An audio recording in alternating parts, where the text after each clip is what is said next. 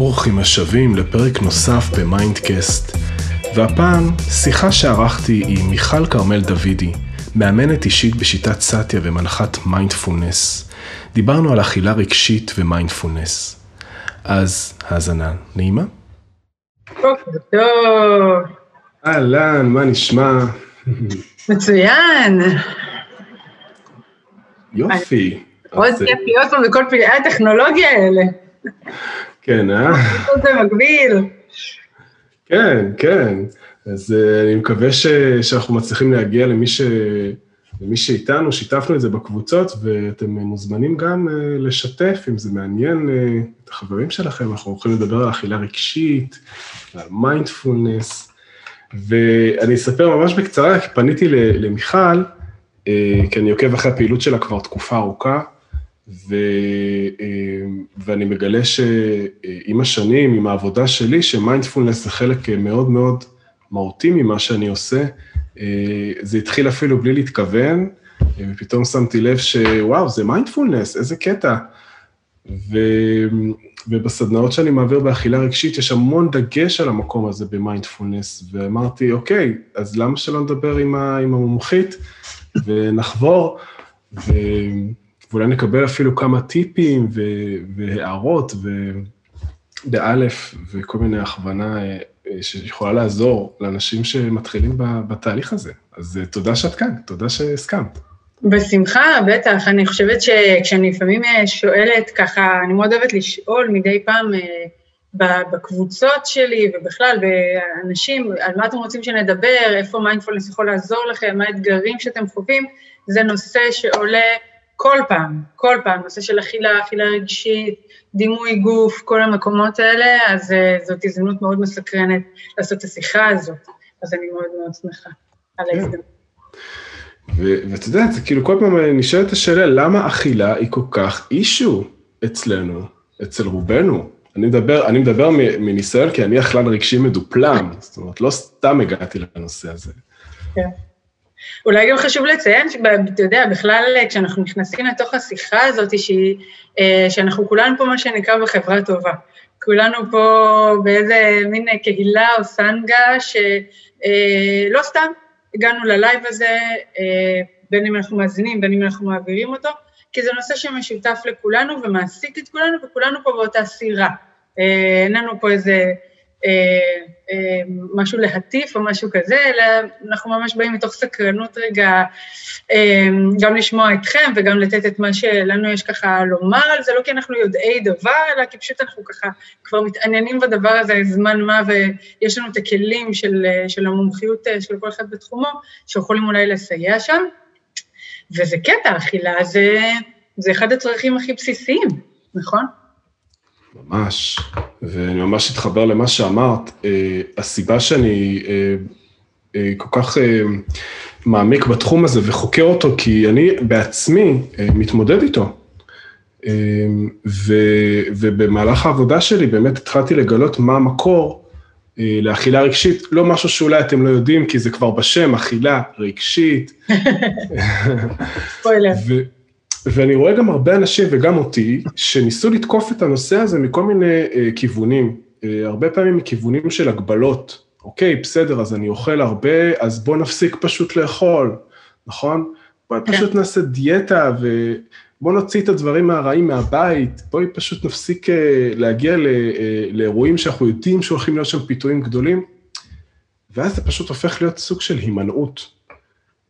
וקלטתי שבעצם מלכתחילה אכילה רגשית היא הימנעות מרגשות ומחשבות. היא בעצם אסטרטגיה שלמדנו ופיתחנו בשביל להימנע מהבלתי נסבל שקורה בתוכנו. אז זה כאילו להילחם באותו דבר שגורם מלכתחילה לדבר הזה להיות, בהופעה הזאת של הרגשות, בכל, בכל סיכוי שרק יופיע משהו לא נעים, ואז החיים הופכים להיות משהו נורא נורא מצומצם. כן. ולהתחבר למה שאמרת, אוכל זה באמת חוויה מתגמלת. נכון, אוכל זה גם דבר נורא נורא רגשי, אפילו לא רק בתרבות בכלל, גם בתרבות הישראלית-יהודית, כל דבר קשור לאוכל. שמחה, אוכל, משפחה, אוכל, חגים, אוכל, יום שלישי, אוכל, אה, קורה משהו רע, אוכל. אה, נכון. אוכל, הכל, כל הרגשות, כל האירועים, כל ה... הכל מלווה באכילה, הכל, הכל, הכל, יש אוכל על השולחן תמיד, וגם אוכל זו דרך להביע אהבה. כן. במיוחד אצלנו ככה ב, ב, ב, בתרבות. ולהכין את האוכל שאוהבים, אה, אה, אוכל מנחם, יש המון המון המון רגשות, ואפילו אה, נקודות חיים עוברות דרך אוכל. אז פלא, פלא, שהוא, פלא שהוא יהיה רגשי. ממש, ממש ככה. זה תמיד מזכיר לי את ה... ש, שצוחקים על חגים יהודיים, הרגו אותנו, בואו נאכל. כזה... כן. הצלחנו, בוא נאכל. כן, ממש ככה. וזה לא, וזה לא ייחודי רק לישראל, אבל בהחלט, בהחלט יש לנו משהו תרבותי עם אוכל, אה, כן. כולנו יודעים, ואת יודעת, מחקרים, אה, הרבה מחקרים מראים שדווקא כשאנחנו מונעים מעצמנו לאכול משהו, אנחנו רוצים, אנחנו אפילו חושבים שהוא יותר מתגמל. ברור. זה הופך להיות הפוך על הפוך, וזה הקושי בהתמודדות עם אכילה רגשית, בגלל שזאת חוויה כל כך מתגמלת, כי אוכל טעים ולא בריא בעיקר, הוא מאוד זול, גם מאוד קל להשיג אותו. כן. בתרבות נכון. שלנו, גם uh, בעולם, uh, לרוב העולם. והבעיה באוכל כזה שהוא קל ו- ומהיר, שהוא מעובד. ואוכל מעובד זה אוכל שאין בו רכיבים תזונתיים כמעט. אז מוסיפים לו מלא טעם, נכון? מלא סוכר, מלא מלח או שומן. ו- ופה יש טריק אה, שאוכל של אכילה של סוכר ושומן בעצם משנה ממש את הכימיה שלנו במוח. היא ממש משנה אותו וזה ממש אה, אה, תגובה כמו לסמים ממכרים. לא סתם אומרים שסוכר זה ממש כמו סם. Mm-hmm. אז מה שקורה שאוכל משמין וטעים מוביל לעוד אוכל משמין וטעים. כן. סוג של גלגל. כן. אז, אז יש איזשהו מלכוד פה, שמצד אחד, למנוע מעצמנו גורם לנו לרצות יותר, ומצד שני, אוכל טעים ומשמין גורר עוד ממנו.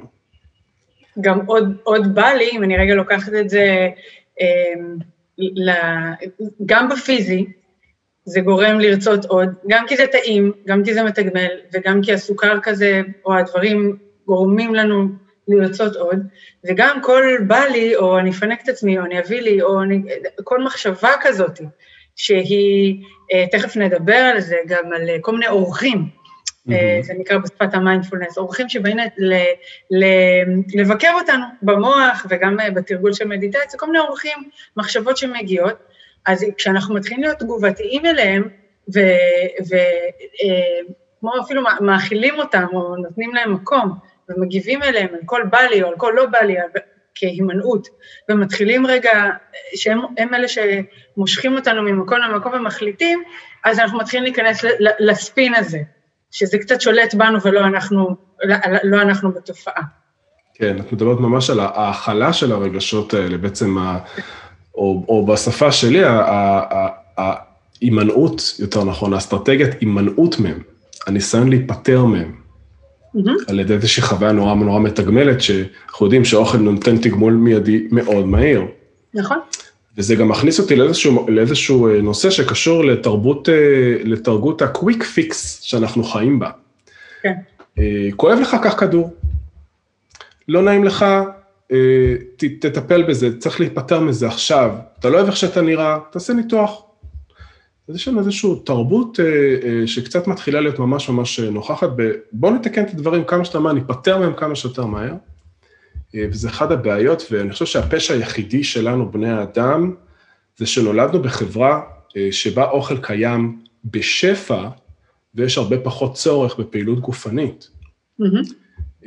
אני בעצם מנסה להגיד שנכון, לא, לא בשביל להטיל אחריות מעצמנו, אבל אנחנו לא כל כך אשמים במלכודת הזאת שנכנסנו אליה, כי זה משהו מאוד תרבותי. נכון. לא סתם זה באמת דבר כל כך רווח, זה, זה נושא שהוא חוצה אה, תרבויות, חוצה אה, מדינות, אה, מגדר, עיסוק, גיל, זה לא סתם כל כך כל כך רווח. נכון, והתחלת להגיד את זה, ובאמת בשביל, בשביל להבין את השורש של זה, צריך לחזור ממש אחורה, ממש לינקות. אה, ממש תחשבו על תינוק בגיל הרך, שהאכלה זה אחת מהאינטראקציות הכי, הכי בין אישיות והכי משמעותיות שיש לו. הוא עדיין לא מבין מילים, נכון, לא מבין מילות חיבה, הוא מבין חום ורוך ונעימות ואת הסיפוק שאוכל נותן. ו, ובצורה הזאת, אה, הפעולה הזאת, ההישרדותית, אוכל מקבלת משמעות מאוד אישית ומאוד רגשית. שם מתחיל האוכל להתחבר לחום, לאהבה וקשר עם אדם מאוד אהוב. ואפילו יותר מאוחר, הזכרת את זה, ממש בגילי אה, הילדות כבר המוקדמת, יש עוד תפקידים, כמו שאמרת, נכון? אוכל במשפחות הופך להיות ממש התמודדות לנחמה. ונחמה. כואב לך, נפלת, קח משהו טעים, קח סוכריה. משעמם לך, אני אכין לך משהו לאכול. כל אינטראקציה כזאת היא פשוט מלמדת את הילד או אותנו שאוכל זה פתרון לתחושות לא נעימות. כמו שעמום, כאב רגשי, וזה פשוט מאפשר לילד ללמוד איזה שהן אסטרטגיות חדשות לוויסות, להירגע. להיפטר מהלא נעים. עכשיו, אני יכולה רגע, אני, אני מאוד מסכימה עם מה שאתה אומר, ואני גם יכולה לראות, אני רגע רוצה ככה לסנגר או לנרמל את העובדה שאף אחד לא, זאת אומרת, זה לא שאנחנו עושים את זה מאיזה מקום רע. רגשות זה לא דבר שאנחנו לומדים להתמודד איתו אה, בצורה, אין איזה קורס ניהול רגשי, חבל שאין אגב, אה, גם בתור הורים, גם בתור ילדים, אנחנו יכולים אולי ללמוד מדעים או אה, אה, ספורט או לא יודעת מה, אבל קורס של ניהול רגשי, מה עושים עם כעס, מה עושים עם אכזבה, מה עושים אם כואב לי, נפלתי, כואב לי, ו, או, או פחד או געגוע, לא כילדים ולא כהורים, ולכן כשאנחנו אחר כך באים ומתמודדים, בין אם זה כילדים ובין אם זה כהורים, עם, עם, עם, עם רגש, עם, עם העולם הזה, אין, אין לנו המון המון כלים. נכון. אז כשהילד אה, כועס או עצבני, או קיבל באמת מכה, או קרה לו, הוא חזר עם אה, באסה נוראית מהבית ספר, או משהו כזה, הכלים שעומדים לרשותנו הם אה, מילים, ו- ו- ולנסות לנחם, ואז מיד נהיה, אז בוא נעשה משהו כיפי, אז בוא, אז בוא, אני אכין לך, אז בוא, נעשה, אתה רוצה סוכריה, הילד נפל, אה, זה משהו כן. שמאוד קל פשוט ללכת אליו, אנחנו לא עושים את זה מרוע, אנחנו לא עושים את זה מ... אפילו יותר מדי, אולי אפילו לא לגמרי חושבים לעומק, שאנחנו בעצם יוצרים פה קשר בין קרה לי משהו, אז אני אוכל, קרה לי משהו משמח, אז אני אוכל, קרה לי משהו עצוב, אני אוכל, אין, לא לגמרי שמים לב לזה. לגמרי, לגמרי, זה, זה תוצאה של לימוד, גם אותנו לימדו. נכון. אה, שזה מה שעובד, זה מה שמנחם, ברור, כן. זה גם באמת בסדר, זה גם עושה את העבודה. וזה עושה את העבודה, כן, הנה ילד נרגע, עכשיו אפשר... לזמן קצר, לזמן קצר, יש לומר. אוקיי, וזו נקודה באמת חשובה. בדיוק. לטווח הקצר. אז, אז באמת, אה, שימוש באוכל יכול ממש להיות אסטרטגיית הימנעות, שאמורה, כמו שאמרנו, לעזור לנו לרכך ולשכך רגשות קשים, או מחשבות לא נעימים, אבל תבדקו עם עצמכם רגע, אה, אם זה באמת עובד. האם באמת הצלחתם להיפטר מהרגשות והמחשבות הלא נעימים לטווח הרחוק? זו נקודה שאנחנו לא משתאים עליה, כי אם האסטרטגיה הזאת הייתה עובדת, בוא נגיד וזה היה עובד, לא היינו צריכים לחזור ולהשתמש בזה שוב ושוב ושוב ושוב. כלומר, זה לא עובד.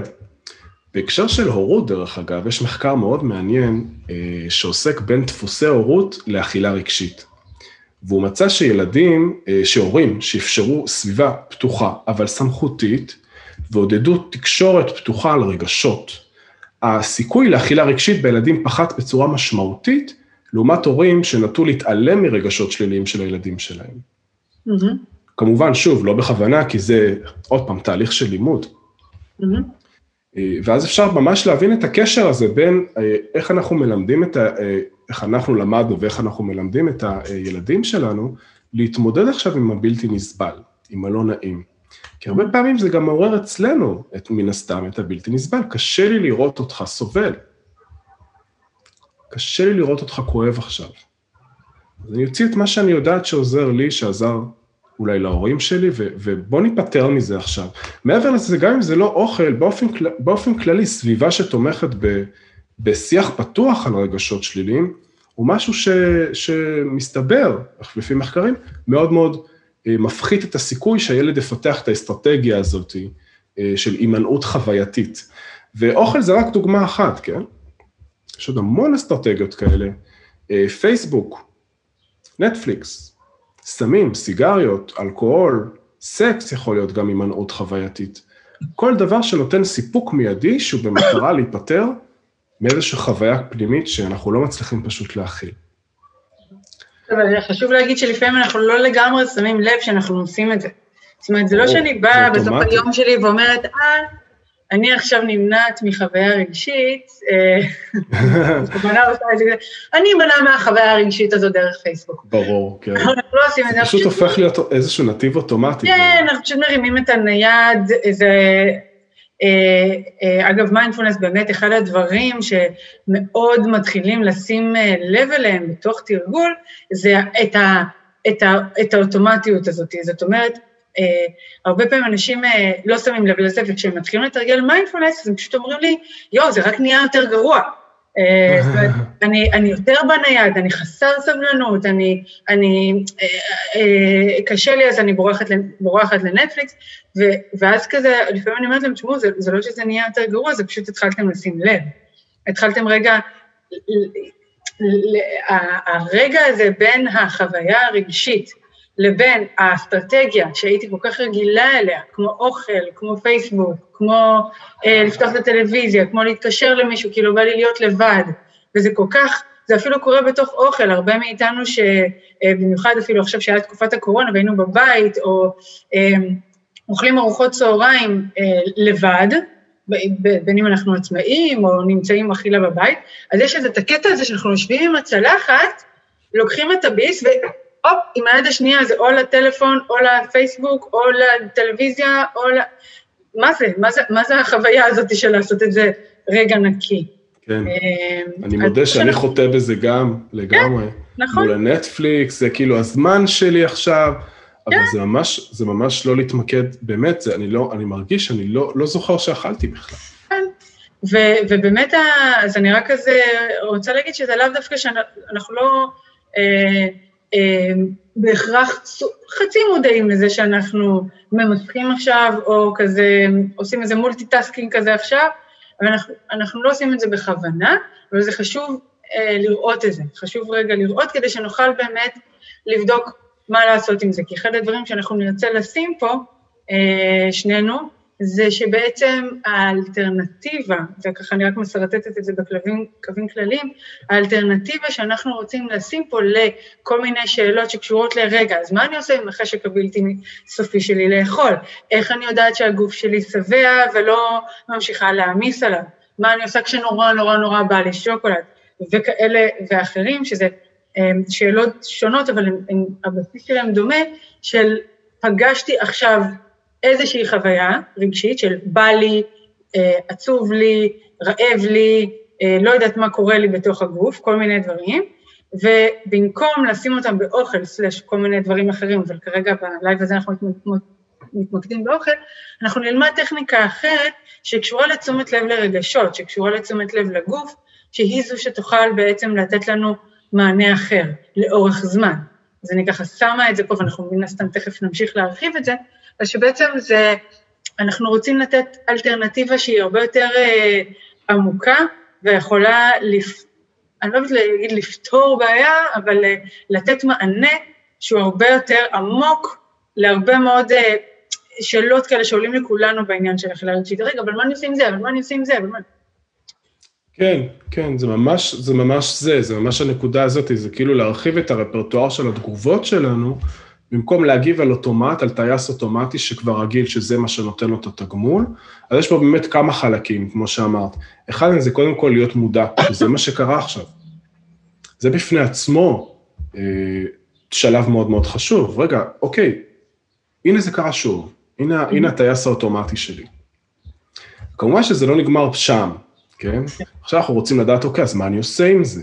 איך אני נכון. משנה את התגובה שלי למה שעלה, ופה באמת אה, נכנס העניין הזה של אה, אסטרטגיית הימנעות. כי אם עד היום למדתי שלשנות את מה שקורה אומר ללכת ולהסיח את דעתי, לאכול משהו ולהיות מתוגמל, אני בעצם נכנס לאותה מלכודת שוב, בחזרה. אה, ולכן זה מאוד חשוב, מה שאמרת בעצם ללמוד, לתת מקום לדברים האלה, ללמוד להגיב להם אחרת אה, בעזרת אה, תרגולי מיינדפולנס, אה, שבטח תתני לנו טעימה מהם, שכל מה שקשור באמת לתת לרגש מקום, ו, ורגע, ורגע להיות מודע למה קורה, תוך כדי הבנה שמה שעשיתי עד עכשיו לא עבד לי. Mm-hmm. כל הניסיונות שלי פשוט לא עבדו, ואני רוצה, אני חשבתי להביא לפה כמה מיתוסים שקשורים להורדה במשקל, כי אנחנו מדברים על אכילה רגשית, אבל בסופו של דבר, כשאנחנו מתמודדים עם אכילה רגשית, אנחנו מתמודדים עם משקל עודף. וזה עוד אחד מהדברים שהופכים את האכילה הרגשית למשהו מאוד קשה. בגלל שאנחנו נכנסים לאיזשהו מקום שאנחנו גם לא כל כך אוהבים את התוצאות שלה, ולא מצליחים להשתחרר מהמקום הזה. Mm-hmm. אז אחד המיתוסים שאני פוגש אה, בסדנאות שלי הכי הכי נפוצים, זה באמת ש, אה, מיתוס שאומר שבשביל אה, להתמיד לאורך זמן בהורדה במשקל, צריך להתמקד רק בהורדה במשקל, על חשבון דברים אחרים, עד שמגיעים למשקל הרצוי. בעצם, התמקדות בהורדה במשקל, רק בזה יכולה לעבוד לאנשים מאוד מסוימים, כן? הם הופכים ממש את החיים שלהם, אולי אתם מכירים, הופכים את החיים שלהם למסע של שליטה במשקל שלהם. והמאמצים שלהם עובדים, אין ספק. אבל רובנו, זה לא עובד. ופשוט תבדקו על הדיאטות שלכם בעבר, ונכון, צריך קצת ידע על איך להוריד במשקל, אבל מי שבאכילה רגשית ומי שניסה בעבר, יש לו, הוא יכול לכתוב ספר על איך להוריד במשקל, והיום המידע הזה הוא זמין בצורה בלתי רגילה, זה לא הבעיה, זה אף פעם לא הייתה הבעיה. הבעיה היא שהתמקדות רק בהורדה במשקל הופכת להיות חלק מהבעיה הזאת. כי אה, השאלה היותר חשובה, מעבר ל"אני רוצה להוריד במשקל", זה מי אני רוצה להיות בתור בן אדם. מה חשוב לי? מה אני עושה בחיים בשביל להגשים את השאיפות שלי? האם אני רוצה להמשיך לעבור את החיים בחוסר שמחה, עם חוקים והגבלות שלא ממש מעשירים את החיים שלי, שרק אמורים למנוע ממני להשמין או, לה, או לגרום לי להרזות? Mm. אולי כדאי להרחיב את הפרספקטיבה קצת, להתבונן על מה חשוב ומה הדרך הכי טובה להגשים משהו שנקרא ערכים. Mm. ופה זו נקודה ש... תעזור בעצם. מה? ואז איך, בהנחה שאנחנו ככה מצליחים להגיע לתוך הערכים האלה, איך, איך, איך בעצם זה יעזור? אוקיי, okay, אז אנחנו מדברים פה, אז אמרנו, הדרך להוריד במשקל, כולנו יודעים איך. תאכלו פחות, תוציאו יותר אנרגיה. עכשיו זה פחות או יותר מסתכם. כן. ההתמדה בזה היא הקושי, נכון? נכון. להתמיד בדרך הזאת היא קשה. ופה המיתוס שאומר, שאני שובר אותו ואומר, אני צריך להתמקד רק בהורדה במשקל, זאת חייבת להיות המטרה העיקרית שלי בשביל שאני אוכל להתמיד. Mm-hmm. וזה לא נכון, עובדה, זה לא עובד. כי ברגע שאנחנו, אה, בוא נגיד, אצלה, זה עובד לטווח הקצר, כן? ברגע שהצלחנו, בוא נגיד, אנחנו, ולא הצלחנו להתמודד עם החלק המהותי יותר, כן? שזה בעצם אה, הרגשות והמחשבות שלנו, אנחנו חוזרים בחזרה למלכודת שנקראת מלכודת התיקון. אנחנו מרגישים שמשהו אצלנו מקולקל. משהו לא עובד, אני עושה משהו לא נכון. משהו אצלי לא בסדר, וזה מוביל שוב לאותם רגשות שלא ידעתי להתמודד איתם, שמובילים שוב לאותה אסטרטגיה שמשמינה אותי בסופו של דבר. אז איך זה עוזר, העניין הזה של חיבור לערכים? בעצם אנחנו מתחילים רגע להרחיב את הראייה, ו- ואני אגדיר את המושג ערכים, כי זה, כי זה חשוב, כן, ערכים כן, זה. לא ערך של שלום וסבלנות, וערכים זה משהו הרבה יותר עמוק מזה. Mm-hmm. ערכים זה בעצם האיכויות שאני רוצה בתור בן אדם, כל אחד והערכים שלו, שאני רוצה לטפח לאורך זמן ולפעול ולהתנהג, איזה איכויות אני רוצה להביא להתנהגות שלי, לחיים שלי, עם עצמי ועם אנשים אחרים, באופן עקבי. לדוגמה, אה, חשוב לי להיות בלמידה, חשוב להיות בהתפתחות אישית, חשוב לי להיות בקרבה אה, עם אנשים שאני אוהב, חשוב לי להיות אוזן, אוזן אה, קשבת. כל אחד יש לו את הערכים שלו. ו, אבל מעל הכל, יש את ערך הבריאות, טיפוח הבריאות. כשאנחנו משנים את המצפן שלנו מרק הורדה במשקל לצורך אה, הימנעות מרגשות לא נעימים, נכון? יש לנו איזושהי מחשבה שברגע שאני אוריד במשקל, אני ארגיש הרבה יותר טוב עם עצמי, אני אוכל אה, ללכת לים, אני אהיה יותר נחשק, לא יהיו לי יותר רגשות שליליים של ביקורת עצמית, בעצם אני אתקן את עצמי, מלכודת התיקון, אוקיי? Mm-hmm. שזה לא נכון, כן, וזה יוביל אותנו למיתוס הבא, אבל אני רוצה רגע להתמקד בנקודה הזאת. במקום להתמקד אך ורק בהורדה במשקל לצורך הורדה במשקל, האם נוכל רגע לבס... לס... להסיט את המצפן שלנו אל עבר טיפוח של בריאות? כי בריאות תומכת בכל שאר הערכים שלנו. אם אין לי בריאות, ואני לא יכול לקום מהמיטה, או קשה לי לעשות פעולות מסוימות, כל הערכים שלי נפגעים, קשה לי להגשים את עצמי בצורה משמעותית בכל שאר תחומי החיים. והשיפט הקטן הזה אולי נשמע ברור, כן, ברור שזה בריא יותר, אה, אולי לאכול יותר טוב, אבל יש פה איזשהו עניין מחשבתי של אל עבר מה אני צועד במטרה שלי בלהוריד במשקל, שהורדה במשקל תהפוך להיות דרך, איזשהו אמצעי להשיג משהו גדול יותר. הגשמה של ערכים חשובים יותר בעוד תחומים בחיים שלי, שהרבה אנשים לא עוצרים ולבדוק, אוקיי, בתחום הזוגיות מה חשוב לי לטפח, בתחום הפנאי אה, מה חשוב לי לטפח, בתחום הלימודים והעבודה מה חשוב לי לטפח, כי החיים הופכים להיות איזשהו אה, מערכת, איזושהי אה, שליטה, ראייה מאוד מצומצמת על רק ניהול משקל. ואז אנחנו פוגשים את החיים בחזרה, שדורשים מאיתנו המון דברים, ואנחנו חוזרים לאותם הרגלים ישנים, כי אי אפשר להחזיק בצורה כל כך קשה כל הזמן הגבלות, וראינו מה, עוש, מה עושות הגבלות, כן? גורמות לנו לרצות עוד יותר את אותו הדבר שאנחנו מגבילים. המאבק הזה, בסופו של דבר אנחנו ניפול בו, כי אנחנו בני אדם. Mm-hmm. אז הסיבה הזאת שהאסטרטגיות האלה פשוט לא עובדות, כי זה פשוט מלכודת אשליית תיקון, נכון? Mm-hmm. כי ניסינו להוריד במשקל, זה מתסכל, ואנחנו יודעים מה להוריד בו, אנחנו יודעים, אנחנו יודעים מה לעשות בשביל להוריד את המשקל, אז למה זה לא עובד? למה אנחנו יודעים שלא צריך לאכול חטיפים בלילה. אנחנו יודעים את זה.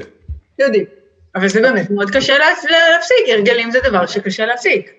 נכון. ואז, ואנחנו שואלים את עצמנו, אז מה לא בסדר איתי? למה אני פגום? אוקיי?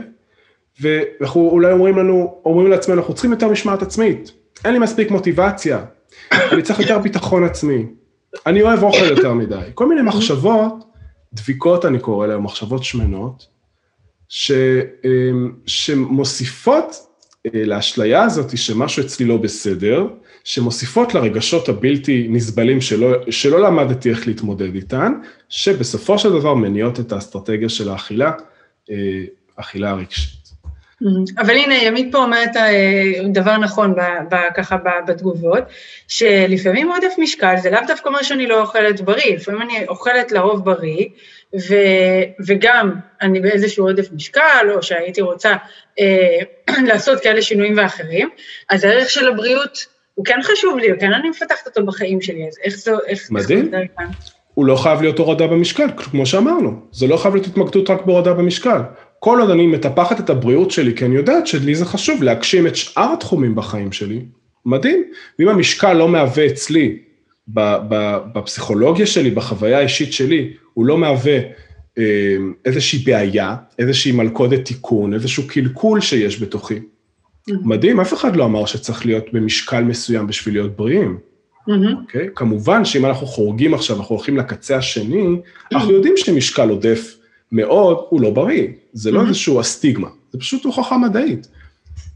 אנחנו צריכים לבדוק את זה לנו, האם זה מגביל אותי מ... את יודעת, יש לי אה, אה, אנשים שאני מלווה, ואחת מהם אמרה דבר נורא חשוב, ברגע שדיברנו על הדבר הזה של אה, לשנות את הפוקוס מרק להוריד במשקל, אל, ולשנות אותו אל ערכים יותר רחבים, אחת הסיבות שבאמת היא פתאום מצאה שהיא, שחשוב לה, אה, אה, התהליך הזה של הורדה במשקל, שהיא תוכל לשבת על הרצפה עם הילד שלה ולשחק איתו. כמה פשוט. אז אם שם זה מונע ממנה אה, להיות האימא שהיא רוצה להיות, או לפחות לבלות את הזמן שנורא חשוב לה, אז כן, אז יש פה מטרה חשובה. Mm-hmm. בוודאי שלא חייבים לרדת במשקל, כן. אה, וזה ממש מוביל אותי גם אה, לעוד מיתוס שאני אתייחס אליו, ש, שקשור לעוד פעם של ניהול רגשות. יש לנו איזושהי הבנה לפעמים לרובנו, אם אני אוריד במשקל, אז החיים שלי אוטומטית יהיו טובים יותר. Mm-hmm. בוא נגיד וזה נכון. אוקיי? Mm-hmm. בוא נגיד, נוריד במשקל, נוכל לחשוב מה שאנחנו רוצים, נשלוט בהכל, מתישהו אנחנו נאלץ לחיות את החיים עצמם. מתי שאנחנו נפגוש בחיים. יש מחקר מאוד מעניין שעשה אה, עבודה אה, מהסוג שאנחנו מדברים עליה, על, אה, על קבוצה של אה, ממש אוביסטי, של ממש כבדי משקל, mm-hmm. אה, ו, ו, ותוך כדי התהליך של ההורדה במשקל, גם הם שינו להם את דפוסי החשיבה ודיברו איתם ממש על הדברים שאנחנו מדברים, ואז כשהם אה, הורידו במשקל, הם פתאום נורא נורא גילו שנורא מפחדים. הם נורא מפחדים כי הם צריכים עכשיו לפגוש את החיים, את כל הדברים שהם נמנעו מהם, כשהם לא היו אה, רזים יותר. כל הדברים שבעצם אמרו לעצמם, ברגע שאני אוריד במשקל, רק אז אני אוכל א', ב', ג', ד'. וכשזה קרה, הם נורא נורא נבהלו, ושוב עלו תחושות הקשות שלא ידעו להכיל, וזה שוב הוביל אותם אה, בחזרה לאכילה רגשית. אז במקום לשאול, אה, מה יקרה אחרי שאני אוריד במשקל, או לחשוב, החיים שלי פשוט יהיו מושלמים יותר, או טובים יותר, לפחות בתחום הזה, אולי כדאי לשאול, איך אני רוצה לחיות את החיים שלי? מה חשוב לי בחיים שלי? מה אני אעשה בשביל להיות מעורב בחיים שלי בזמן הקצוב הזה שניתן לנו על כדור הארץ? Mm. לשנות את עצמנו זה אף פעם לא תחליף ללחיות את החיים, אוקיי? ואנחנו בני אדם, אנחנו, את בטח יודעת, אנחנו נוטים להתמקד בניהול של מה שקורה בתוכנו, עד שאנחנו פשוט מאבדים תשומת לב למה שקורה כאן מסביבנו, בכאן ועכשיו. כן. ו- ואין דבר רע בניהול משקל תקין. בדרך, בתור דרך לדאוג לעצמנו ולטפח חיים בריאים. אבל כשהורדה במשקל הופכת להיות הדבר שבשבילו, שהוא כביכול יתקן אותנו, צריך גישה אחרת שתיתן מוטיבציה לאורך זמן, כי זה לא עובד. אוקיי. אז אלה היו כמה מיתוסים ככה לגבי הדבר הזה. כן, ואם תרשי לי, אחד אחרון שאני חושב שהוא חשוב והוא קצר, אמ, יש מיתוס שאומר שככל שאני יותר שונא את עצמי, נגעל אולי מהצורה של הגוף שלי, ככה תהיה לי יותר מוטיבציה לשינוי. אני מאוד מתחבר לזה, אני מאוד האמנתי בזה תקופה מאוד ארוכה, ורובנו מאמינים שברגע שככל שנשפוט את עצמנו על משהו מסוים, לאו לא דווקא הורדה במשקל, זה ייתן לנו יותר מוטיבציה לעשות איזשהו שינוי, כי אנחנו תקועים. זה יכול על כל דבר ש... זה יכול להסביר ביקורת, זאת אומרת, ביקורת שאנחנו מפנים כלפי עצמנו, או הלקאה עצמית, או שיפוט עצמי, אנחנו יודעים שזה לא נעים לנו, אבל יש איזה מקום כזה בראש שאומר, בסדר, וככה אני אלמד, ככה אני אשתפר, ככה אני אצליח יותר, זה טוב, זה, זה דבר טוב. כן, אני צריך להיות מודע לפגמים שלי, כן. כל מיני סיפורים. זה יכול להיראות נכון, ששנאה עצמית תיתן מוטיבציה לשינוי, אבל לרוב זה הפוך. תבדקו את זה. כי אנשים שנאבקים במשקל, גועל ושיפוט עצמי מובילים לרוב, שוב, לאכילה רגשית. יש פה איזושהי עובדה נורא חשובה שה mind שלנו תמיד ייתן לנו מחשבות ביקורתיות על עצמנו, זה פשוט טבעי, צריך להבין את זה. ה mind שלנו הוא מכונת שיפוטים, חלק מהדברים שהוא עושה הוא מכונת שיפוטים. וזה מה שהוביל אותנו להיות מי שאנחנו היום בתור הגזע, המין האנושי, זו תכונה נורא חשובה וזו ציפייה נורא גדולה מה mind, שאחרי מיליוני שנות אבולוציה התפתח בצורה הזאת, שפתאום יפסיק לבקר ולשפוט אותנו רק בגלל שנוריד במשקל. אז הרעיון הוא להגיב אחרת למחשבות האלה, לרגשות האלה, אוקיי? להתייחס לעצמנו בגועל וביקורתיות לא יחזיק לאורך זמן. פשוט תחשבו על חברה טובה שמנסה להוריד במשקל. אם רק תגידו לה חצי מהביקורת שה mind שלכם זורק עליכם, רק חצי מהדברים, אתם חושבים שזה ייתן לה מוטיבציה? זה יעודד אותה, היא תרגיש טוב עם עצמה, זה ייתן לה איזשהו drive? ברור שלא. שלא. ברור, אבל לכולנו עדיין יש איזו מחשבה של אם אני אאפשר לעצמי, ואם אני אעודד את עצמי, או לא אכעס על עצמי, אז, אז אני אתפתה לדבר הזה בסוף היום, אז אני אתפתה לשוקולד, אז מה, אני רק אשב פה ואקבל את עצמי ואוהב את עצמי, אז... אז אני ארשה לעצמי ואני אהפוך להיות הר אדם. אז אני ארשה לעצמי, בדיוק, זה, זה מלכודת מאוד... נכון, אז זה טבעי לחשוב ככה. יש לנו אותה. לגמרי. לכן זה טבעי לחשוב ככה, שאני חייב להיות בבקרה אה, תמידית, אה, בשביל שאני לא אתפזר ויהפוך להיות משהו שאני לא רוצה. אבל אם רק מסתכלים על העובדה הזאת, אנחנו רואים שזה בדיוק הפוך. Mm-hmm. חוסר בחמלה עצמית, כלומר, שנאה עצמית, מובילים חזרה לאותן אסטרטגיות, כי מה שעולה בתוכנו הוא בלתי נסבל עכשיו. כן. אף אחד לא אוהב שמלקים ו- ו- ושופטים אותו, וה mind שלנו, האובייקט שהוא הכי אוהב לשפוט ולבקר, זה אותנו. אז... וזה באמת מוריד לנו כוח, זה ממש כמו איזה דליפת אנרגיה מאוד מאוד גדולה במאמץ או בכיוון שלנו לשמור על בריאות, לשמור על הערכים שלנו, כשיש איזה קול שכל הזמן מטפטף לנו מה אנחנו עושים לא בסדר, או איזה לא טובים אנחנו ככה, זה ממש דליפה של אנרגיה רצינית. ממש, ו- ואני אומר משהו אחר, הקול הזה לא הולך להיעלם. הוא לא הולך להיעלם מהחיים שלנו. Mm-hmm. זה פונקציה בסיסית ב mind האנושי. השאלה איך אנחנו מגיבים אליו. אם אנחנו מאמינים לתקליט. השבור הזה, ופועלים על העצות הכי גרועות של המנטור הכי גרוע בעולם, שנקרא ה mind שלנו. כן. ו- כן. ו- ואחד הדברים שהכי, אה, ככה אני אתן לכם, שממש עוזרים לעשות רגע את ה fine-tuning הזה, אה, לפני התרגילים ולפני העבודה, העבודת עומק, זה רגע תחשבו על חבר או חברה טובים, שממש נאבקים עכשיו במשקל שלהם. ו... או בלי לא לרצות רגע, זה אפילו לא צריך להיות נאבקים במשקל, זה יכול להיות אפילו דוגמה מאוד קטנה של uh, uh, כל ערב כזה, שאחרי שאנחנו מסיימים את היום, ולא יודעת, משכיבים את הילדים או מסיימים את העבודה, אז כזה יושבים ופותחים, לא יודעת מה, מאסטר שף, או כל אחד מה שהוא אוהב, ולוקחים את הקערה כזה קטנה של ה-whatever, גלידה, פופקורן, יין, שוקולד, את ההרגל הזה של הסוף היום. זה יכול להיות אפילו משהו, משהו כזה. כן? זה לא חייב להיות כן. התמודדות עם אכילה. כן, זה, זה לא חייב להיות אה, נכון. כן. אבל כל דבר שהוא, שהוא באיזושהי התמודדות, איזשהו מאבק, ותחשבו רגע איזה עצה הייתם נותנים לו, וגם תחשבו, האם משהו תקול בו? האם בגלל שהם לא מצליחים הם פגומים, צריך לתקן בהם משהו? האם עדיין תעריכו אותם למרות שהם עלו במשקל, או למרות שהם לא הצליחו להיפטר מההרגל שלהם? וזה מצחיק, כי התשובות האלה נורא ברורות שזה נוגע לאדם או לחבר קרוב. כשזה מגיע אלינו, הן מאוד שונות, אוקיי? ופה יש. הרבה מקום לחמלה עצמית. נכון. כי בסוף, כן. אה, אה, ואני כזה מתייחסת גם, אתה יודע, לככה תגובות ושאלות שעולות בתגובות, כן. וזה, וזה מאוד מאוד נכון, גם מה שימית כתבה,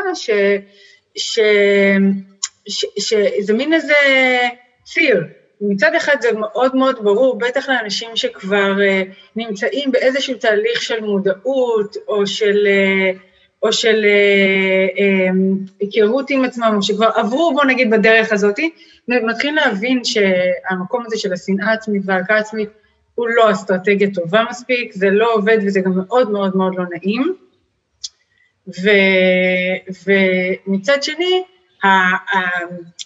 אנחנו לפעמים, עד שאנחנו מוצאים את האמצע, אנחנו ככה נולצים לפעמים ללכת לכיוון העצמי. אז אני רק ארשה לעצמי, אז לא נורא, אז בסדר, אז זה, ואז גם כזה מרגישים קצת שהמקום הזה של החמלה והאהבה והפרגון, אה, גם קצת, אה, הם, הם, גם, לפעמים, הם גם יכולים להפוך להיות אסטרטגיה. כן. אה, של, טוב, אני ארשה לעצמי, ואז, ואז אני עוד פעם לא מצליחה, ואז עוד פעם כן, אבל, אבל זה ממש הנקודה הזאת של אה, מתי זה הופך להיות אסטרטגיית הימנעות. נכון. כי פיצוי הוא פיצוי על מה? על זה שעכשיו היה לי רגשות לא נעימים, על זה שאני בן אדם ו- וחוויתי איזשהו משהו שלא ידעתי להתמודד איתו, אז מה, למה אני צריך את הפיצוי? והאם אוכל באמת באמת יבוא ויגיד לי, אתה בסדר, אתה טוב, הוא ידבר אליי והוא ינחם אותי? כן. לא בטוח. כן. אז אולי באמת, אה, אה, אלא אם כן יש כזה עוד משהו שאתה רוצה להגיד עכשיו, אולי באמת אני רגע אתייחס ל, לרגע איך, אה, איך אפשר להשתמש במיינדפולנס כדי ל, להתמקם איפשהו, אני לא יודעת אם אני יכולה להגיד באמצע, של בין הקהל לשימוש ב, ב, ב, בחמלה כ, כאסטרטגיית הימנעות גם. כן, כן. נכון. אבל בעצם להיות באיזשהו מקום כזה שאומר, אוקיי, אני כבר הבנתי, הבאתי את המודעות, שעשיתי את השלב הראשון שככה סיפרת עליו, אני מתחילה לקלוט את זה, אני מתחילה לעמוד שאני עומדת מול המקרר, שאני לא באמת אמורה להיות שם עכשיו. אני שמה לב לזה, או אני מתיישבת על הספה, אני, יש, אני, אני כבר מודעת לזה שאני לא, לא בהכרח חייבת את ההרגל הזה של הנשנוש, הוא לא חייבת עכשיו את השוקולד אחרי הארוחת צהריים. ואני אתן לך, אתן לך ממש להמשיך, אני רק שם איזושהי חתיכה בפאזל באמצע כן. בין הדברים.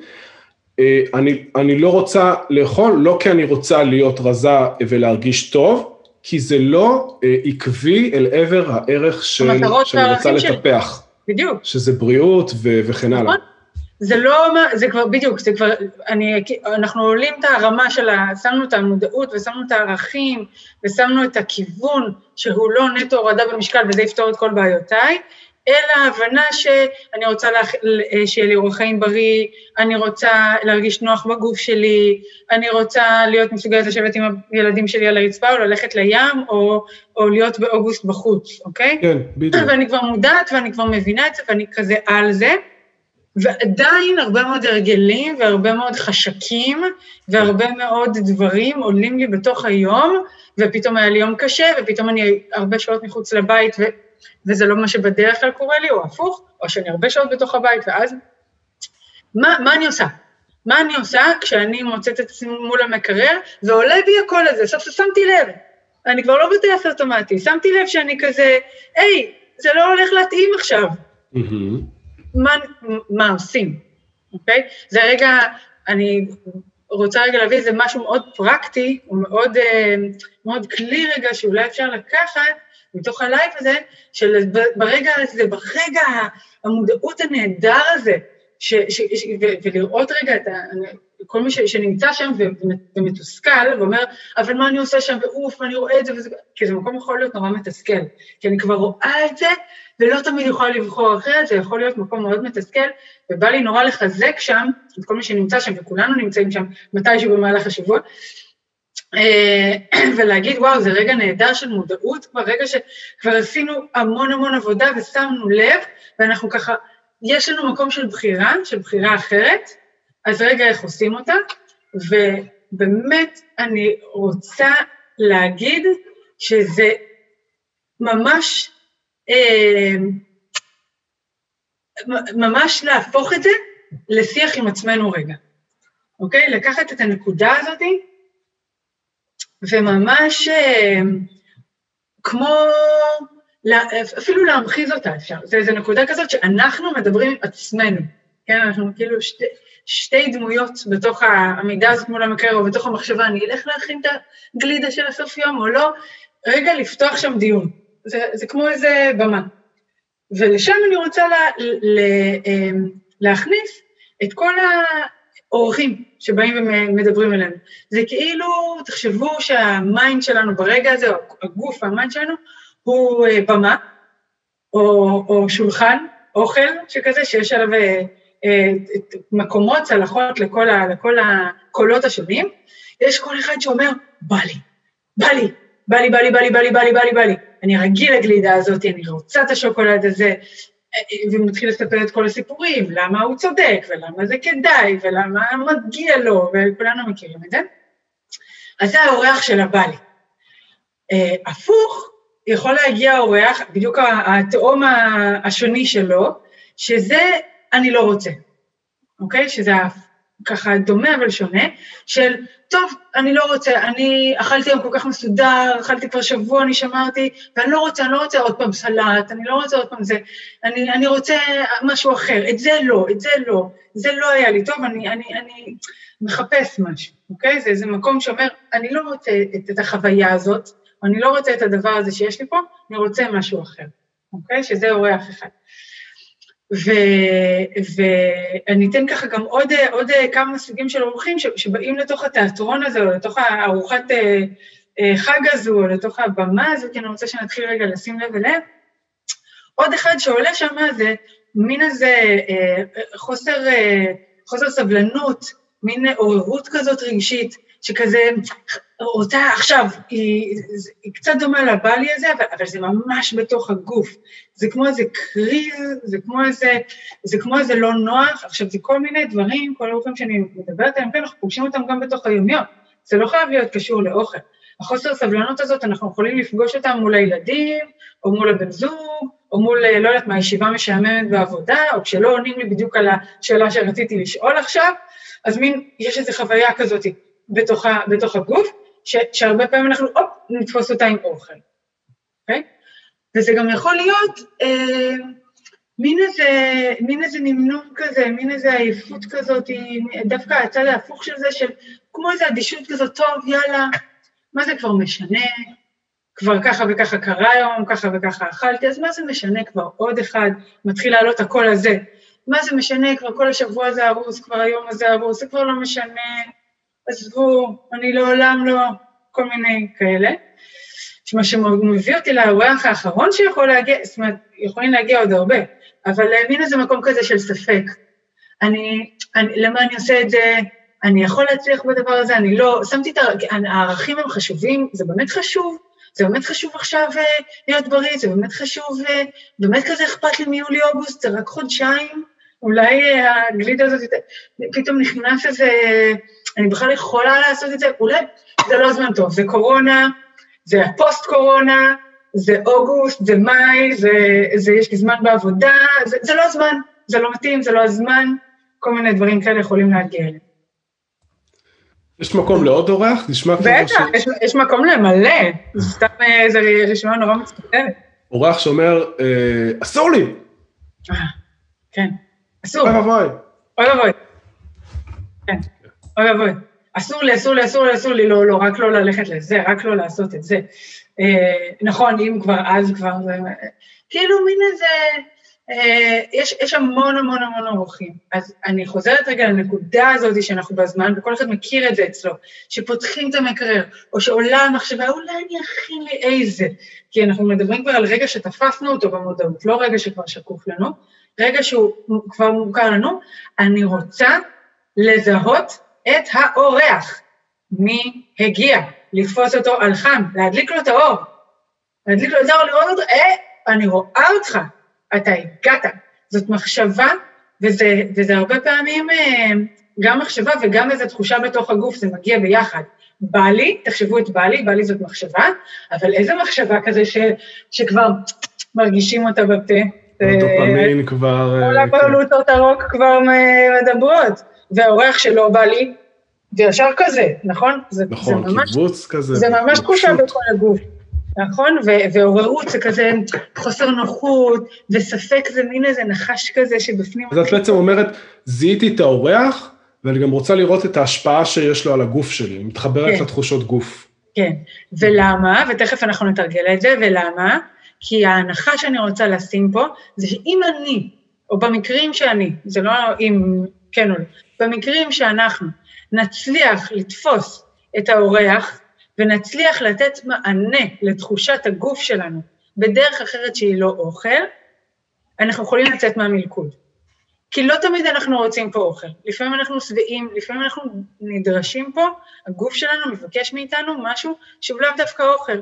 לפעמים זה אהבה, לפעמים זה חיבוק, לפעמים זה, אה, אה, לא יודעת, מיליון דברים אחרים, או שפשוט רגע אפילו לשבת בשקט עם עצמו, ואנחנו רגע לא, לא, אם אנחנו, בהפוך של זה אנחנו לא מזהים את האורח, לא קולטים כל כך את התחושה הגופנית ושמים עליה אוכל. כי זה קל, כי אנחנו רגילים, כי הרבה פעמים זה גם עוזר בטווח הקצר, אז, אז אנחנו מאוד עושים את זה. ואם אנחנו נצליח לתפוס את האורח על חם, לזהות אותו שהוא הגיע עכשיו, לתת לו מענה, גם מבחינת ה mind וגם מבחינת הגוף, הוא יכול להירגע, וללכת, כמו שהוא הגיע. הרי הוא הגיע איכשהו, אני לא זימנתי אותו לכאן, לא ביקשתי ממנו לבוא. הוא פשוט הופיע, והרבה פעמים דווקא כשאני לא אגיב עליו, ואזיז אותו, ואדחוף אותו, ואני אתנהל איתו את זה, ואני כן יכולה, ואסור לי, ומותר לי, ולא, אם אני רגע אלמד להיות איתו באיזושהי נוכחות, שתכף נתרגל אותה, אז הוא יכול פשוט ללכת, ואז אני כבר לא צריכה את האוכל ש... שיפתור לי את הבעיה הזאת. כן. את השוקולד, או את ההרגל, או את ה... לאכול עוד או, או לא משנה מה זה היה, אוקיי? ממש אה, במילה, דיברת פה על, אה, על הניסיון להיאבק בזה, הניסיון להדחיק את זה, לא, להזיז okay. כן. אותו הצידה, את המחשבות אולי, או את הרגש הזה, אה, וזה ממש משהו שגם יוצא לי לדבר עליו המון, גם בסדנאות וגם במפגשים, על אפקט הבומרנג, שככל שאנחנו מנסים להפסיק לחשוב על משהו, ככה אנחנו חושבים עליו יותר. כן. שזה שוב אסטרטגיה שלא עובדת, הניסיון הזה לשכך, לרכך, להעיף את זה מהראש, לא עובד. כולנו מכירים את זה. אל תחשבו על פיל ורוד. כן. נכון? פיל ורוד בכל מקום. לגמרי. אוקיי. לגמרי, לגמרי. אז, אמ, אז ככה, זה, זה הרגע, אני רוצה, לה, רציתי לשים פה את הכלי הדבר המעשי הזה, כי דיברנו גם על, ה, על, ה, על האסטרטגיות, על, ה, על, ה, על ה, באופן רחב, על אסטרטגיית ההימנעות ואיך היא לא עובדת, ומה, ככה, איזה אלטרנטיבה אנחנו יכולים לתת לה, גם ברמת הרעיון, ברמת התיאוריה, וגם ברמה הפרקטית. אז הכלי הזה של לזהות רגע איזה אורח הגיע לי עכשיו, ו, ולהביא את המודעות ולהבין איזה אורח מגיע לי עכשיו ואיך אני אה, נמצאת איתו בתוך הגוף ואיזה פתרון אני נותנת, איזה מענה אני נותנת לו, ככה יכול לעזור לי, פשוט אה, זה כמו, כמו איזה אנרגיה, כמו איזה אורח שמגיע, ואז הוא פשוט יוצא, ואז אני נשארת בלי הצורך להביא עוד פעם את ההרגל, ללכת לסוכר, ללכת לשוקולד, לאכול עוד, לעשות, לעשות איזושהי רגע דבר או פעולה שרציתי שהיא זו שמאתגרת אותי, שממנה אני רוצה, כמו שחלקכם שלחתם לנו ככה תגובות לתוך הלייב הזה, מה אני עושה עם שוקולד, מה אני עושה עם הרגלים, מה אני עושה עם אכילה בבוקר, מה, זה כל אלה זה, זה אה, דוגמאות לאותה נקודה. פגשתי משהו שאני רגע לא יודעת מה לעשות איתו, ואני עכשיו, הוא, עכשיו שולט בי, אוקיי? אז אנחנו, אה, אני רוצה שככה ניקח את הכמה דקות לתרגל את הכלי הזה כדי שהוא יהיה לכם ככה תוכלו להשתמש בו, וכמובן מי שרוצה להרחיב יוכל לעשות את זה איתנו, ויש באמת הרבה אפשרויות ומסגרות לעשות את זה. אז, אמ, אז, אז אני רוצה ככה לבקש מכל מי שנמצא בלייב הזה, וגם מי שרואה אותנו באיחור, רגע נעשה ביחד תרגול, תרגול משותף, אמ, ואני רוצה ככה לבקש מכם לשים את הרגליים על הרצפה, לא צריך אה, לעשות שום דבר מיוחד, ממש להתיישב איפה שאתם, להניח את הטלפון או את ה... אה, מה שאתם צופים בו רגע בצד כדי שתוכלו להיות איתנו. אפשר רגע לעצום את העיניים, מי שרוצה, או להוריד את המבט לככה איזושהי זווית של 45 מעלות, להתמקד על איזושהי נקודה, פשוט שהעיניים יוכלו להיות רגע מונחות ולא לשוטט במרחב. אנחנו רגע לוקחים כמה נשימות עמוקות, שנייה מביאים את תשומת הלב שלנו אלינו, נותנים לכל המילים שדיברנו עליהם, לכל הנושאים שדיברנו עליהם, רגע להיטמע בתוך הגוף.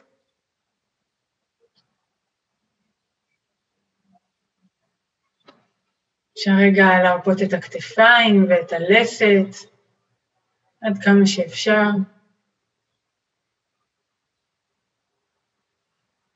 ואני רוצה רגע לבקש מכל אחד מאיתנו להיזכר באיזושהי סיטואציה שקרתה לו היום או השבוע,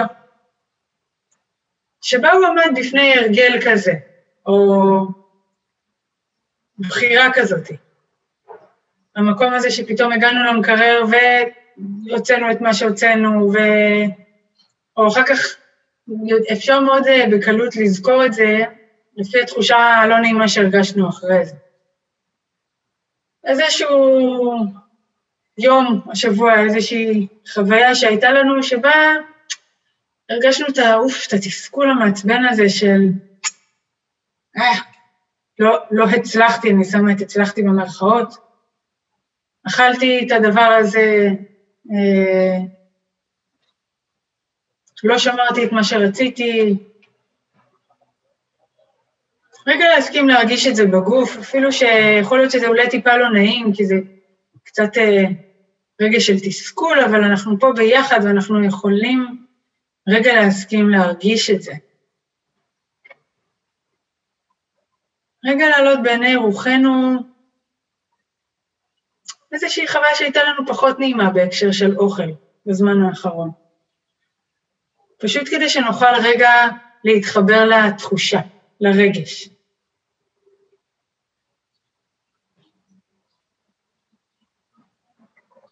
ממש נראה בעיני, בדמיון שלנו, את איפה היינו, מה בדיוק קרה, מה הרגשנו? לפני, מה הרגשנו תוך כדי, מה הרגשנו אחרי.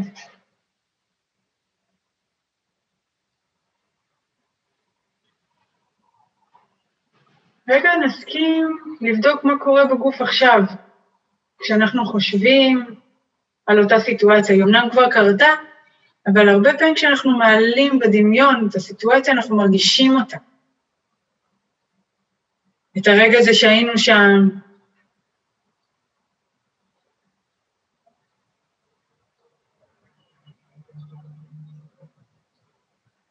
כרגע נסכים להרגיש את כל הרגשות שאנחנו מרגישים עכשיו. רגע נסכים לארח, להיות בעלי הבית של כל התחושות, של כל הרגשות, של כל המחשבות שעולות עכשיו. אפילו אם הן מחשבות שקשורות לתרגיל עצמו. לא הבנתי, לא מצאתי דוגמה, ועולה, עולה איזה רגע שקשור לזה, אז תהיו איתו.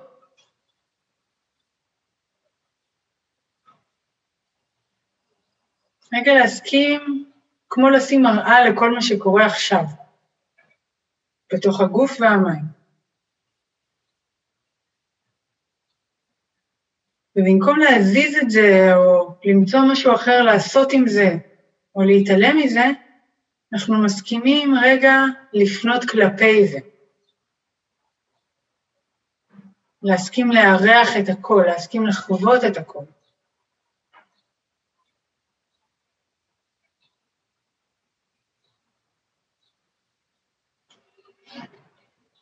ואפילו לדמיין שיש לנו אולי איזה מד קטן של אה, תרמוסטט של רגשות, כמו איזה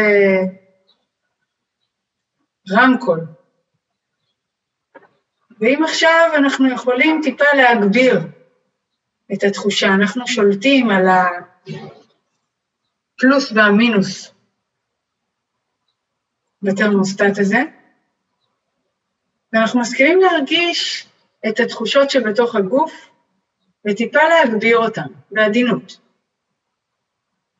נראה אם אנחנו יכולים להגביר לשבע,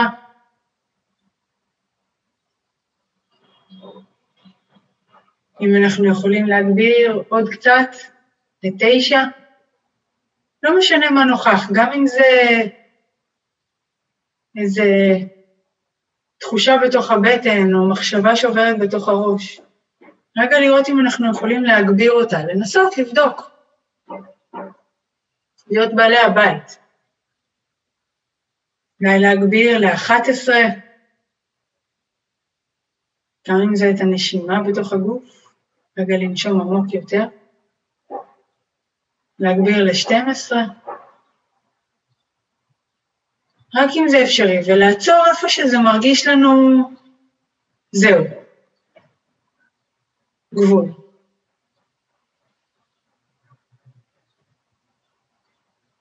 ורגע לבדוק איך זה מרגיש בתוך הגוף.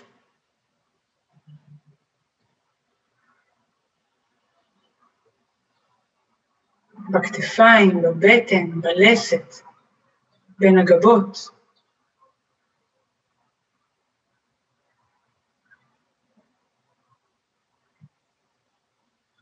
ולאט לאט אנחנו משתמשים באותו תרמוסטט בדיוק, כדי טיפה להוריד את הווליום. מ-12 אנחנו יורדים ל-10, מ-10 באמצעות הנשימה אנחנו יורדים ל-8, דרך הנשיפה והוצאת האוויר החוצה. לאט לאט מורידים עוד קצת ועוד קצת ועוד קצת בתרמוסטט הזה. עכשיו אולי אנחנו כבר בשש.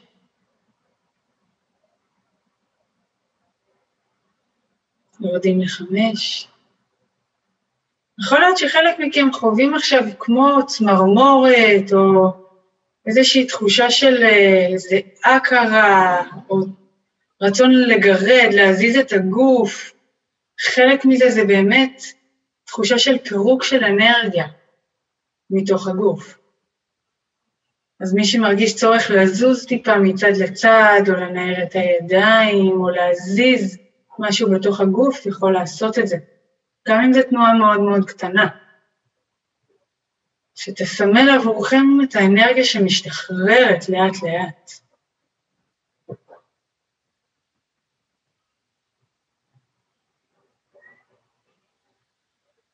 ואנחנו ממשיכים רגע להביא את תשומת הלב לנשימה, אנחנו עוד לא ממהרים לזוז או לפעול פעולה.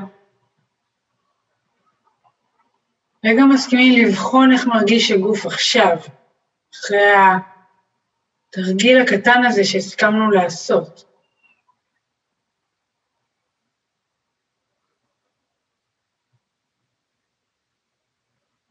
מה היה אולי נוכח קודם והשתנה עכשיו? מה נשאר?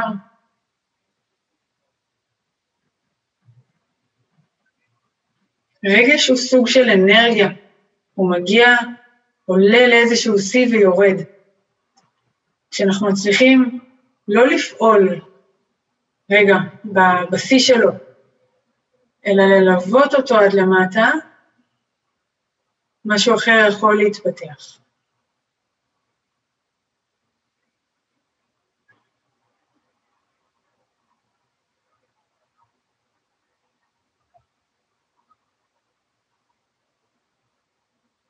אז רגע לפני שאנחנו מסיימים את התרגול שלנו ביחד, אני רוצה להזכיר לנו את הערכים והכוונות שחשובים לנו. ואולי נסכים עכשיו לבחור איזה ערך אחד, מילה או איכות, שמאוד חשוב לנו, חשובה לנו בחיים. אנחנו רוצים שהיא תמשיך ללוות אותנו היום, אחרי התרגול הזה. זה יכול להיות בריאות, או שמחה, או תשומת לב, או אהבה, או סבלנות, או כל מילה, חוט, ערך אחר, שעולה לכם עכשיו בראש. רגע להסכים לה להיכנס לתוך הגוף, לראות איך היא יכולה להתבטא בתוכו. איך זה מרגיש בגוף להיות שמח, סבלנית, בריאה? איך זה מרגיש? איפה מרגישים את זה? איך מתנהל בן אדם כזה? איך מדבר אדם כזה?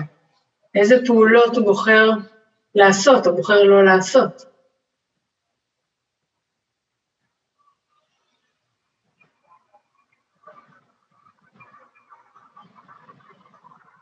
ממש לתת לחוויה הזו, לערך הזה שבחרנו, ככה להיכנס עם הנשימה לתוך הגוף שלנו.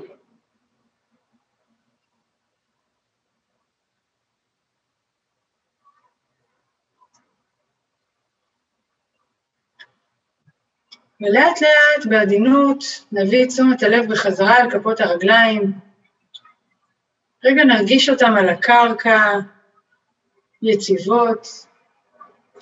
נביא את תשומת הלב לצלילים השונים שאנחנו שומעים במרחב, לצליל של הקול שלי, אולי לצלילים אחרים, איפה שאתם נוכחים כרגע. ולאט לאט ובעדינות אפשר לפתוח את העיניים לאט-לאט, לחזור לכאן. גם זאת הזדמנות רגע לעשות את זה בעדינות ובתשומת לב.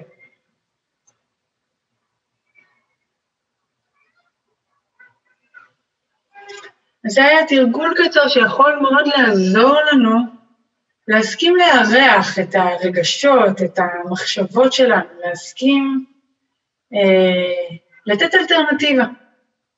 כשאנחנו פוגשים אורחים אה, כאלה ואחרים. חשוב לי להגיד שאת התרגול הזה אפשר לעשות בשני אופנים.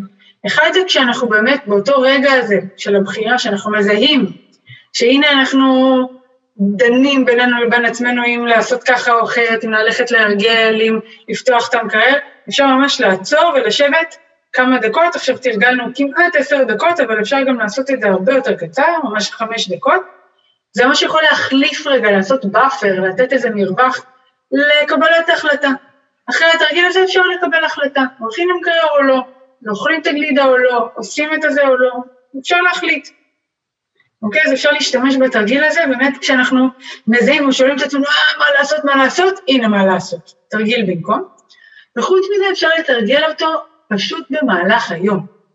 גם כשאנחנו לא בהתמודדות עכשיו, כשזה לא בדיוק הנקודה שבה אנחנו עכשיו עושים, אלא פשוט במהלך היום שלנו להפנות שתיים, שלוש דקות, איך, המ... איך הגוף מרגיש, מה קורה עכשיו בגוף, איזה אורחים קיימים עכשיו, כי הרי הם לא קשורים רק לאכילה. איזה אורח קיים עכשיו, במיוחד שאנחנו ככה אה, מופעלים, אבל באמת שלא רק. רגע לשים לב איך הגוף מרגיש, מה שלום התודעה, מה שלומנו. פשוט רגע, אפשרות להפנות תשומת לב לגוף שלנו, ל mind שלנו, יש לזה איכות מצטברת מאוד מאוד גבוהה, שעוזרת לנו בעצם להיות בקשר עם עצמנו ולבחור בחירות יותר נכון. אז זהו, זה היה התרגיל שלנו להיום. ממש אה, נעים, יודע. מאוד אהבתי את התרמוסטט, זה היה ממש אה, מגניב. כן. להרשות לזה רגע להתגבר. ולרדת, כן, איזושהי אה, הסכמה להבין שאנחנו יכולים גם לשלוט על הבלון הזה, על הרגשות שלנו. גם אם אנחנו לא פועלים אותם החוצה, אנחנו יכולים להיות איתם בקשר, להכיל, להרחיב את המיכל שלנו, להכיל אותם, ולהוריד. אנחנו ממש יכולים רגע לשחק עם זה, לבדוק את זה. כן. אז מי, ש, מי שבא לו לשתף איך היה התרגיל הזה עבורו, בעבורה, אז ממש מוזמנים לעשות את זה, לעשות את זה כאן. מעולה. תודה, תודה רבה. אה, ואני אתן אה, איזשהו, אה, עוד איזשהו תרגיל, שהוא תרגיל של תשומת לב. Mm-hmm. בעצם זה יותר רישום, כמו שאמרנו, ברגע שאנחנו מכניסים את הדפוסים שלנו למודעות, הם כבר לא אוטומטיים. אז אחד הדברים שאני מאוד מאוד ממליץ לעשות, זה לנהל יומן אכילה למשך שבוע. לא בשביל לבדוק מה אנחנו אוכלים וכמה, אלא בשביל לעשות את הדבר הבא. לרשום שני דברים, מה אכלתי ולמה. פשוט. מה אכלתי, למה. הלמה זה איזה מחשבה, איזה רגש, או איזה תחושה, דרך אגב, אה, עברה בי, פשוט לתעד את זה. ואז אפשר ליצור, קודם כל זה כבר עושה איזשהו אפקט של מודעות, אני כבר לא באוטומט, אה, באוטומט הרגיל שלי, וגם אפשר להתחיל לזהות את המוקדים הרגשות, המחשבות, הדברים, המוקדים שהכי הכי אה, מהווים אולי את הטריגר שלנו, שדוחפים אותנו באמת להשתמש באסטרטגיה שהמטרה שלה להימנע מזה. כשאנחנו ממוקדים יותר שם, אז אפשר לקחת את זה ליישום של תרגול או מיינדפולנס, או שיטת העבודה של ביירון קייטי, שזה חקירה של מחשבות דביקות, אה, שגם דרך אגב, הן מייצרות אצלנו את הרגשות האלה, ברגע שמשנים את התגובה לחשיבה, גם הרגש משתנה. אה, אבל אפשר להיות הרבה יותר ממוקדים, וזה גם נותן את המודעות למהלך השבוע, למה אנחנו אוכלים ולמה, מה מניע את mm-hmm. האכילה הזאת. בעצם זה ממש דרך לתפוס את המקומות האלה, מתחיל לזהות, רגע, זה וזה וזה דומה, הנה כל מיני למות כאלה ש... כן, הנה המוקדים שלי, הנה כן. ממש מצייר איזושהי מפה, אה, שאני תמיד אוכל אה, לתת לה איזשהו קונטרה בחיזוק, אם הרגע שמוביל אותי לאכילה זה בדידות, אוקיי? בסוף היום, תחושה של בדידות, אז האם יש פעולות שאני יכול לעשות שיעזרו לי להרגיש יותר קרוב? Mm-hmm.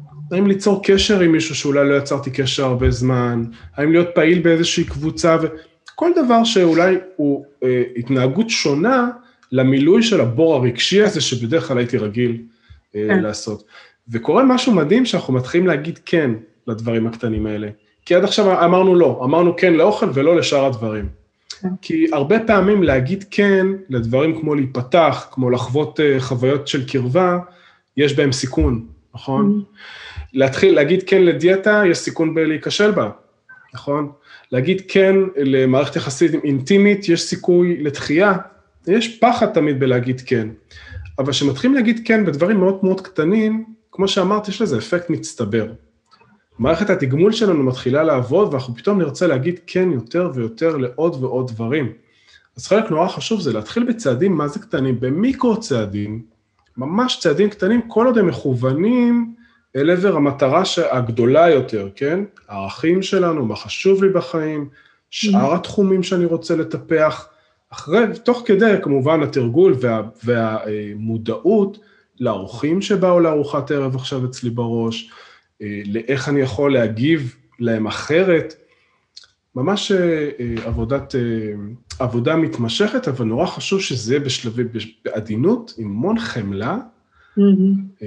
ובצעדים מאוד מאוד קטנים שנוכל לעמוד בהם, כי זה התגמול שלנו, בסופו של דבר, שהצלחנו להגשים עוד איזשהו חלק בדרך, ומשם זה רק גודל. ואני אתן לראיה את הדוגמה שלי, ובזה אולי אה, כבר נסיים. אה, כשאני התחלתי את התהליך הזה והתחלתי לעבוד בצורה הזאת על התודעה שלי, פתאום גיליתי שלמה מנעתי מעצמי ללכת לרוץ. וגיליתי שהמיינד שלי אמר לי, או הכל או כלום. מה זה ייתן עכשיו אם תרוץ עשר דקות? מה, תוריד עכשיו את העשר קילו שלך? מה זה ייתן? זה לא ייתן כלום. אתה לא תתמיד, אותו דיבור קבוע. וכשעשיתי את העבודה הזאת, ראיתי שפתאום אני יכול לרוץ שתי דקות במשך שבוע, שתי דקות, שתי דקות הפסקה, שתי דקות, שתי דקות הפסקה במשך חצי שעה. ואז שבוע אחרי, ארבע דקות, שתי דקות הפסקה, ארבע דקות, שתי דקות, ולאט לאט היום אני רץ שעה, אה, שלוש פעמים בשבוע. אחרי אה, יותר מ... זאת אומרת, זה לקח תהליך של שלושה חודשים עד שהגעתי לשעה, אבל אני מתמיד בזה. ה mind שלי לא מפסיק לברבר ולהגיד לי, אולי די, אולי תפסיק, אולי לא היום, אולי... הוא לא הפסיק. כן. ה mind שלי עדיין אומר, כן, רצת, אבל מה עם המותן? Hmm. הוא עדיין שם. אבל כן. הערך הגד... הרחב יותר שלי עדיין מוביל אותי לטפח משהו שחשוב לי, ואני מצליח להתמיד בו. זאת ראייה לדעתי שצעדים קטנים, פלוס כל מה שדיברנו עכשיו, ממש אה, מאפשר לנו להתמיד בהרגל שמשרת מטרה רחבה יותר, חוץ מלהרגיש טוב. כן, מדהים. אז אם ככה נסכם, אה, באמת ראינו את ה... את המלכודת הזאת, שהרבה מאוד מאיתנו נמצאים בה, המלכודת הזאת של ההימנעות והפיצוי שאנחנו עושים באמצעות אוכל, זה עובד לנו בטווח מיידי, ולכן זה ממשיך להתקיים אצל כל כך הרבה אנשים, אנחנו כולנו בחברה טובה, וכולנו נופלים בזה, אז, אז זה באמת לחבק את עצמנו ולהיות בהבנה שזה קורה. יחד עם זאת, אנחנו רוצים ל... לעזור לעצמנו לעשות כמה שיותר אה, אה, צעדים שגם אה, יעזרו לנו לצאת מהבור הזה. ולכן עשינו את הלייב הזה כדי להבין בעצם איך אנחנו יכולים לתת מענה באמצעות שיטות שהן קשורות גם לחקירת תודעה, כמו שיטת העבודה. כן, אז אנחנו... וגם, וגם רגע ברמה הנפשית, הרגשית של מיינדפולנס, איך אנחנו יכולים לתמוך בשני החלקים האלה, גם בגוף וגם ב mind, שהם החלקים של השלם, אה, כדי לתת לנו אלטרנטיבה אחרת. חוץ מהימנעות בפיצוי, מה אפשר לעשות? אז זה, זה מה שעשינו היום. אה, הבנו איך אנחנו יכולים רגע לתפוס במודעות את הרגע הזה, את, ה, את, ה, את השנייה הזאת של הבחירה, ולהתחיל לשאול את עצמנו שם שאלות ולתת מענה גם לתוך הגוף באמצעות התרגיל הזה שעשינו. אה, ואז ככה בעצם לאפשר לעצמנו עוד, עוד מגוון של אפשרויות, עוד בחירה, עוד עולם שלם שיכול להיפתח שם, שברגע שאנחנו שמים את הכוונה או את הכיוון למה אנחנו רוצים ללכת, אז נפתח לנו עולם שלם שיכול לאפשר לנו אה, ללכת לשם חוץ מה... ועד עכשיו היינו מאוד מאוד מוגבלים, פשוט ב... ב... רק האוכל. אז uh, באמת רגע דרך המודעות הזאת אנחנו יכולים uh, לעשות את זה, ומאוד מאוד, אני, אני אסיים בזה שאני אומרת, מאוד מאוד התחברתי למה שאתה אומר בצעדים קטנים. יש לנו נטייה, אגב, תחילת שיחתנו לקוויק פיקס ולהכל או כלום וכל הדברים האלה, ו... אין מה לעשות, זה, זה לא, לא תמיד עובד, בטח לא בדברים שהם קשורים לשינוי של הרגלים, שינוי של דפוסים, אה, דברים שאנחנו רוצים לעשות לאורך זמן ולאורך טווח לטווח ארוך. אז, אה, אז תמצאו לכם את הדרכים הקטנים, הקטנות האלה, כמו שאופיר נתן את הדוגמה על הריצה, את, מה לעשות עם האכילה, מה לעשות פה, בדבר הקטן הזה, ואז בעצם הצלחה רודפת, הצלחה רודפת הצלחה. והצלחות באמת עושות רעב לעוד הצלחות, אגב האוכל. אז אה, כשמתחילים בקטן וככה מתקדמים, זה ממש אה, יכול לעשות אפקט גדול. תודה שהאזנתם. עד הפרק הבא. ביי. can't live with yourself.